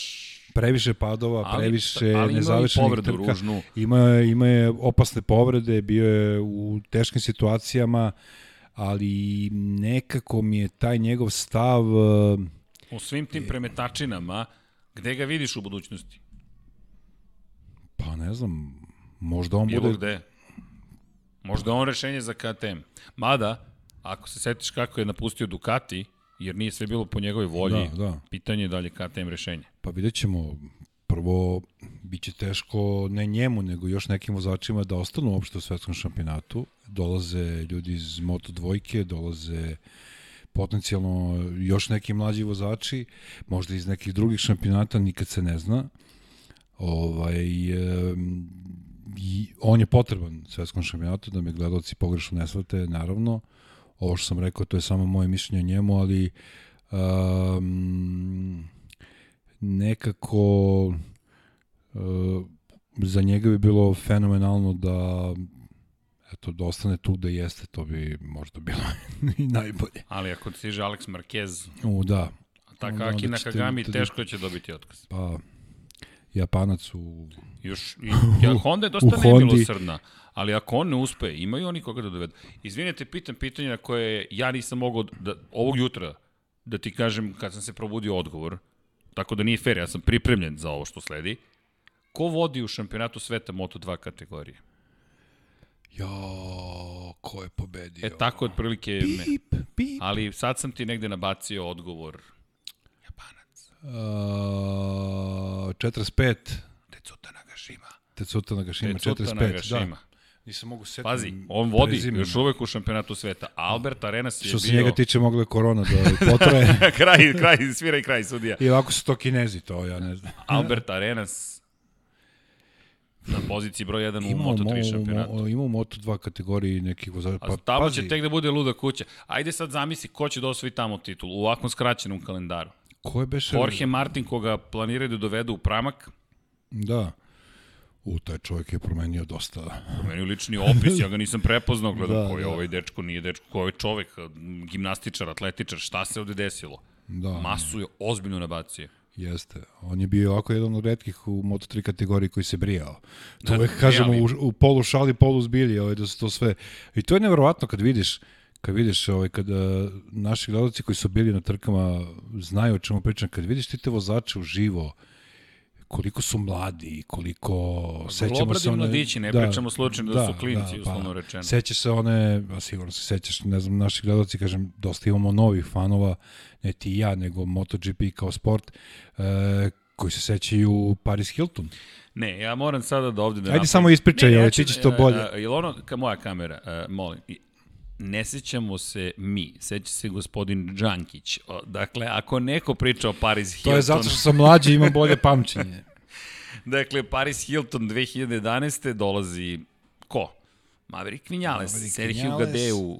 A ona je toliko bila upoznata sa, sa tim poslom u koji ulaže novac, ali, da, je, ali, da je tek prvi put videla Mavericka Vinales i rekla... Ali nema veze Ali svaka je čast. Pa svaka Čekaj, je čast. Ne, ne, ne, ona je spasila možda i karijeru Mavericka Vinales. Ne samo to, celu ekipu je spasila. Celu ekipu, ali i samim tim i Mavericka Vinales. Ali, da e, nisi tako pričao kad smo pokušavali da dođemo na žurku u Barceloni, Paris Hilton. Pa par puta sam izbačen iz njenih hotela, tako da ovaj, nisam ali, ali, neki fan. Da, inače pokušavali smo da se ubacimo na tu žurku. Nismo išli na trku, da smo išli na trku, nadam se da bismo uspeli taj crash party da izvedemo. A, ne, nemoj da me vraćaš u neke teške stvari iz, iz mog detinstva, ali... Ej, jesi gledao, ček, izvini, jesi gledao trke sada reprize? Naši drugari koji idu u Valenciju i sve to, sede na jednoj terasi i odmaraju se posle trodnevnog rada i 490 stepeni u hladu, a gospodin Srđan Erceg da. ide na dodelu Oscara. E, fantastično. Jeste bili to je pozvani? Taj, to je Čekaj, taj, jeste bili pozvani? Ne, ne, nisam rekao da Vanja, nisam bio pozvan. Odbili su da idu. Odbili su da idu. Pa, I, i znaš Vanja, znaš zašto sam odbio da idem? Zato što ovaj, Da, da. nisam mogao maturski sako da obučem. znači, ja drugo ali, delo nemam. Ne, ali ispričaj sad celu priču. E, pazi, pošto si sad to ja izvukao na pričam video. samo, ja se izvinjam, ja sam... Uh, Vanja, znaš šta su još odbili? Da, samo ovako, za, za, za, pošto, evo, pričam s tobom, zapravo pričam sa svima koji slušaju i gledaju. Dorna na kraju svake godine, posle poslednje trke, organizuje veliku žurku. Veliku žurku. Te godine je žurka bila van Valencije, van grada Valencija, u kući koja zapravo se koristi za žurke. I, e, da, ok, ubacujem ovde neke zvučne efekte, ali džabati, džabati. Dakle, kuća van grada Valencije, buka ne smeta nikome, nema komšija, sve plaća Dorna, kad kažem sve plaća Dorna, dakle šta god da radiš plaća Dorna, pritom dolaze vozači, skoro svi, ne, iz Moto Grand Prix kategorije, i od cele ekipe, od nas šestorice, jedan predstavnik sport kluba koji je stao u matursko odelo. Da, Čisto da, tako da. je Vanja, tako je Vanja. Jeste, da, jeste. tako je. Oni su gledali zalazak sunca, gledali su izlazak sunca, poštujem romantične duše su pitanje. Ja sam profesionalno otišao da vidim šta rade vozači. Zalazak sunca, izlazak piva. ne znam ja šta ste vi radili, ja znam gde sam ja bio. Pa me posle završenog posla moraš malo i da pojedeš i da se odmoriš Tako i je, levo tako je. Ja sam drugog duha bio. Ja ne znam da li je bilo piva na našoj žurci, ja on, ne, ne, nisam se ne, Ne raspitivao, pravo ti kažem, Mogu da ti kažem da je bilo svašta na ovoj drugoj žurci. a, ko na maturi. Sad to već ne znam, ne sećam se mature. Šalu na stranu, ali, ali apropo Ti si išao tamo zbog nekih finih evropskih dama, ono, ja to po, mogu da potpišem. Zato Ne, nisi nisam. rekao, Džankić ponesi maturski sako, pa ćemo da se snađemo nekako. i Da, da, da, da. da. Ima te- ekipa iz te- MotoGP-a. Terali su vas da ne dođete. Ne, Vidi, šalimo se, naravno. A, bilo je lepo Da li? i njima i nama. Jer beše... ko bila su oni? Da, Ko su ko si ti? Ti sećaš ko je bio uopšte tamo? A, seća se, Dragan. S obzirom da smo preveli Vlada, prošli 5000 km Dušan. u, u nedelju Đorđe. dana. Da, da. ti i ja. Kum, da. A, kum Vlada. kum Vlada. Kum. Da, ja ga Da zovem kum. kum. Ja ga zovem Da kum. kum, i dan danas Ti ga zoveš kum. Vlada. A svi smo ga zvali kum. Čekaj, otišli smo na neku čudnu priču, dakle ovo je... Pa dobro, ali treba ljudi da znaju kako... Da znaju da kako, ne ideš na žurke. Kako mi živimo. U svakom slučaju ti se sećaš Paris Hilton. Ko, Ali- komentatori, mi smo ovaj, Ali, najniži oblik života. ali pazi, ne, naravno da nismo, ali se sećaš Maverika Vinjalesa u 2020. godini? Jesi svestan da njega nismo posunuli osim u prvoj rečenici uopšte?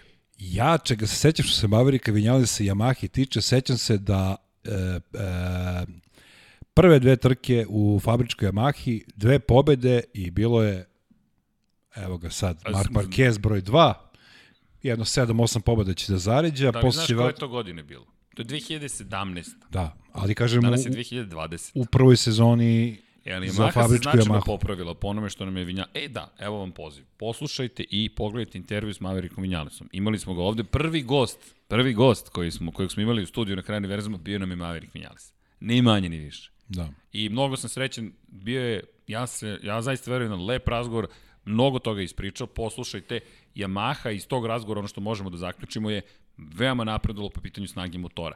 Pogotovo na izlazu iz krivina, samim tim i maksimalna brzina unapređena s obzirom na činjenicu da zahvaljujući boljem ubrzanju, boljem prijanjanju, imaju mogućnost da u zavetreni makar prate Honda i Ducatije, što im opet omogućava da na kočenju budu bliže da napadnu. Što jeste bio najveći problem u prethodnim sezonama. Tako da je Maha... Koji je Honda rešila. ali nije Yamaha, ali Honda se bavila time. Ona je, da. da bi 2019. bila brza, a 2018. je Jer počela smo, to da rešava. se, u onim statističkim podacima smo godinama unazad imali e, najveće brzina Ducati, Ducati, Ducati, Ducati, Ducati. Međutim, onda se pojavi Mark Marquez, pa Dani Pedrosa, Tako pa je. se pojavio, još ne znam ko je tu bio.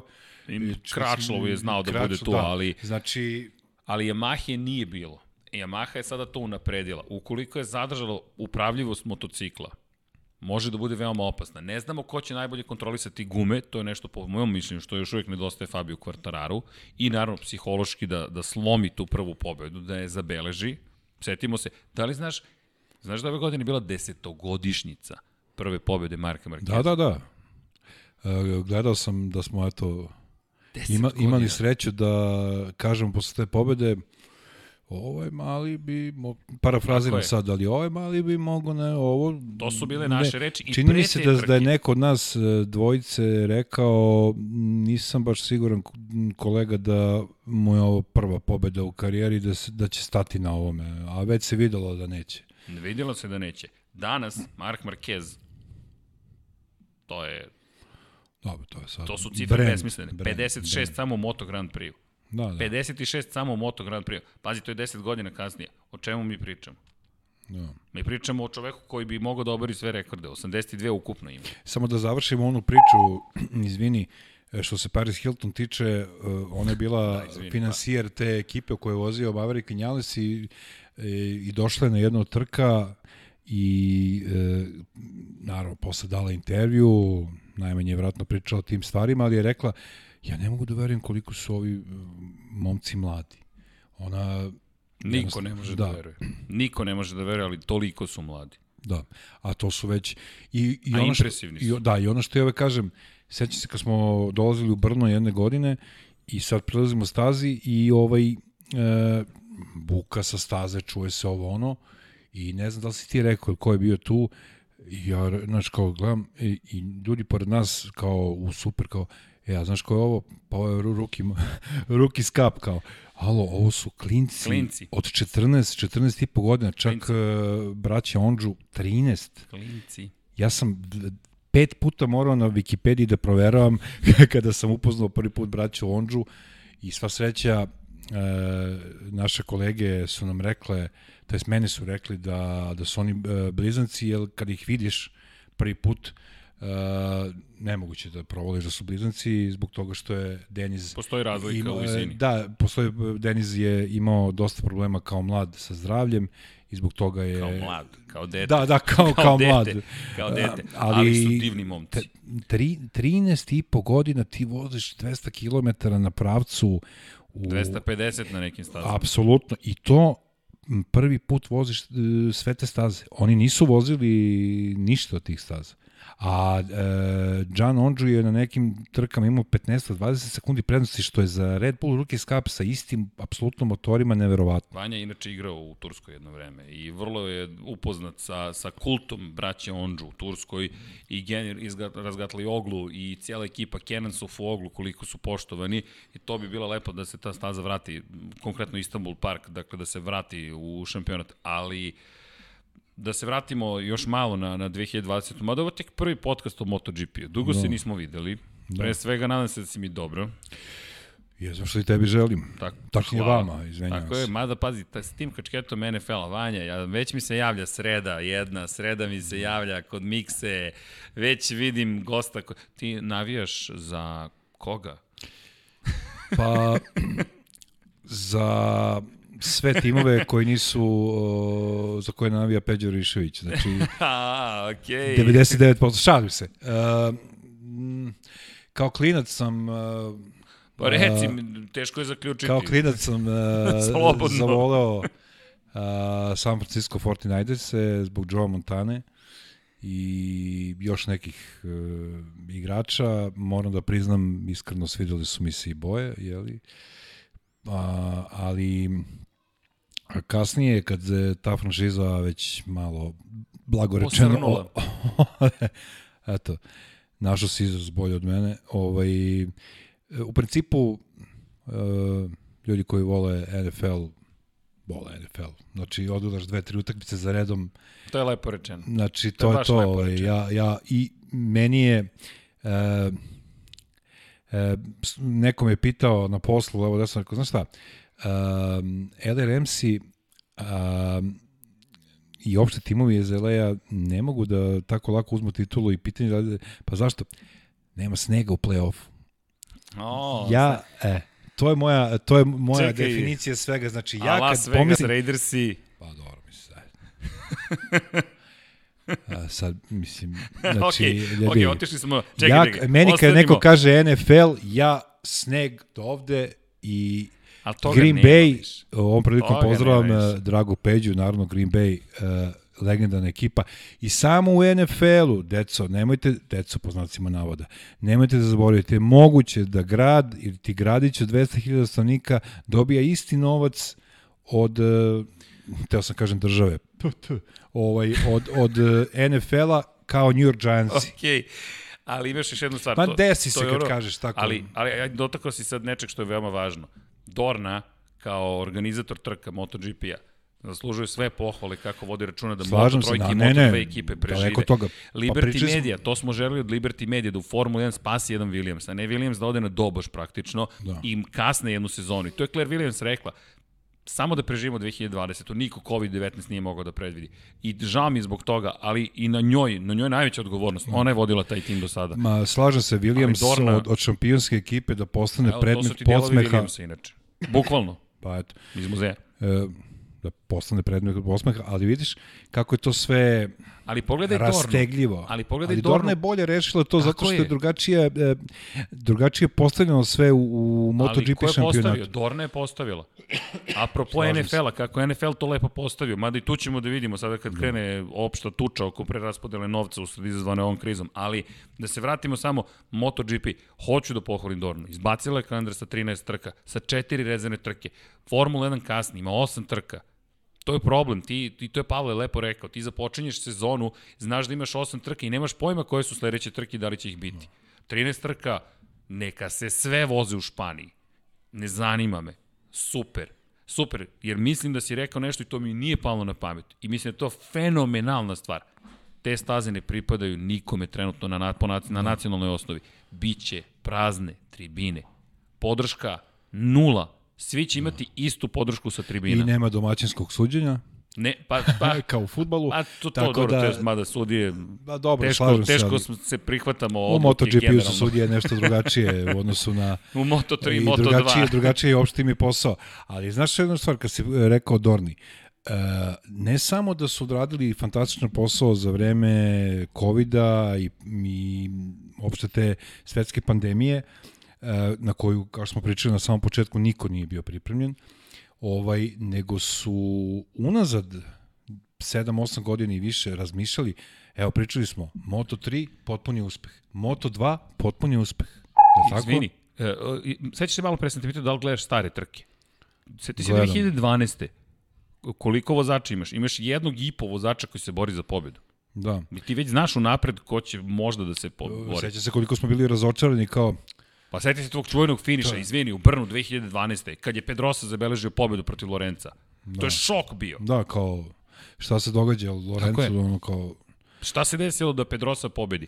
I, a gde su ostali bili CRT vozači? 3, 4, 5 sekundi iza Da. po krugu. pa to je bilo ono Loše. Ma, nazovimo pravim imenom, deša, loše. da dešavalo se i po 2 3 kruga A za gde smo danas? U jednoj sekundi njih 20. apsolutno A Dorna? da pa Aplauz za to. i seća se kako je to teško krenulo imali smo jednog Tonija Elijasa i Ja, pa da, sad će šampiona, doći će jedan vozač koji će pobedi 15 trka i tako ćemo narednih 10 godina da gledamo. Ne. Došli smo vrlo, vrlo brzo do toga da u kvalifikacijama, to naši Moto2 gledalci znaju, Moto2 klase, sa 7 desetinki nisi ušao u Q2.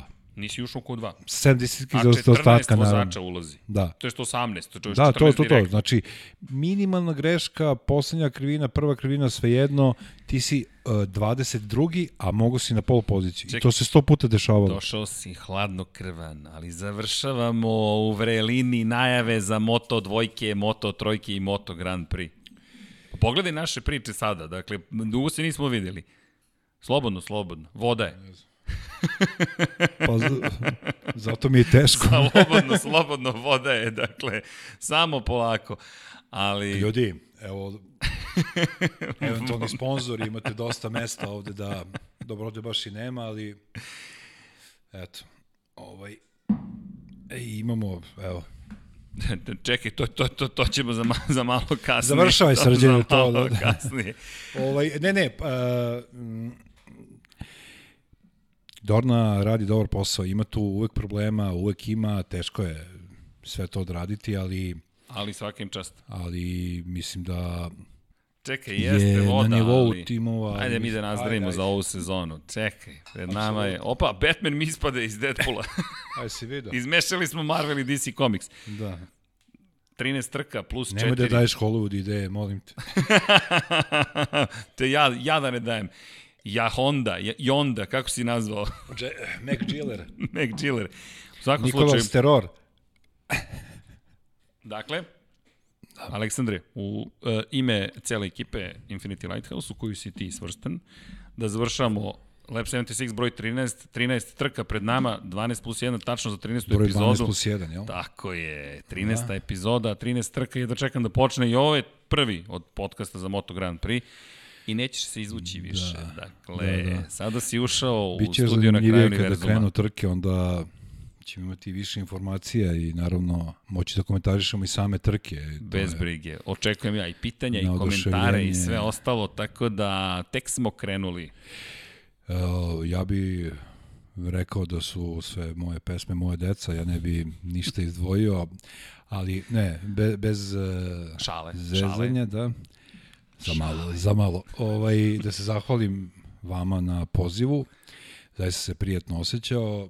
Ovaj, kafa je morala da bude bolja, voda je morala da bude hladnija, ali vaše gostoprinstvo je zaista na vrhunskom nivou, tako da ću to da prenebegnem. Šalim se, naravno. Ja da čekam novi podcast što se MotoGP-a tiče. O MotoGP-u možemo da pričamo danima, ako to nekog zanima. Ovaj, ok, što i, god to te sad bilo. pa rimo je se, otko znam, palo mi je na... Ovaj, I eto, uvek sa dobrim ljudima je lako. Vanja. E da, i još jednu stvar da ne zaborim, pozdrav za, za sve ljude na hashtagu MotoGP e, i SK sve ljude koji i, naravno i Lab 76 pre svega hashtag SK MotoGP Tako je. i za sve ljude iz MotoGP zajednice bez obzira da li nas voli i ne vole. Vanja, gde nas šalješ? Kje dvojka, trojka, četvorka? Četvorka. Vanja je samo rekao četiri. Ljudi, ćao svima. Ćao svima.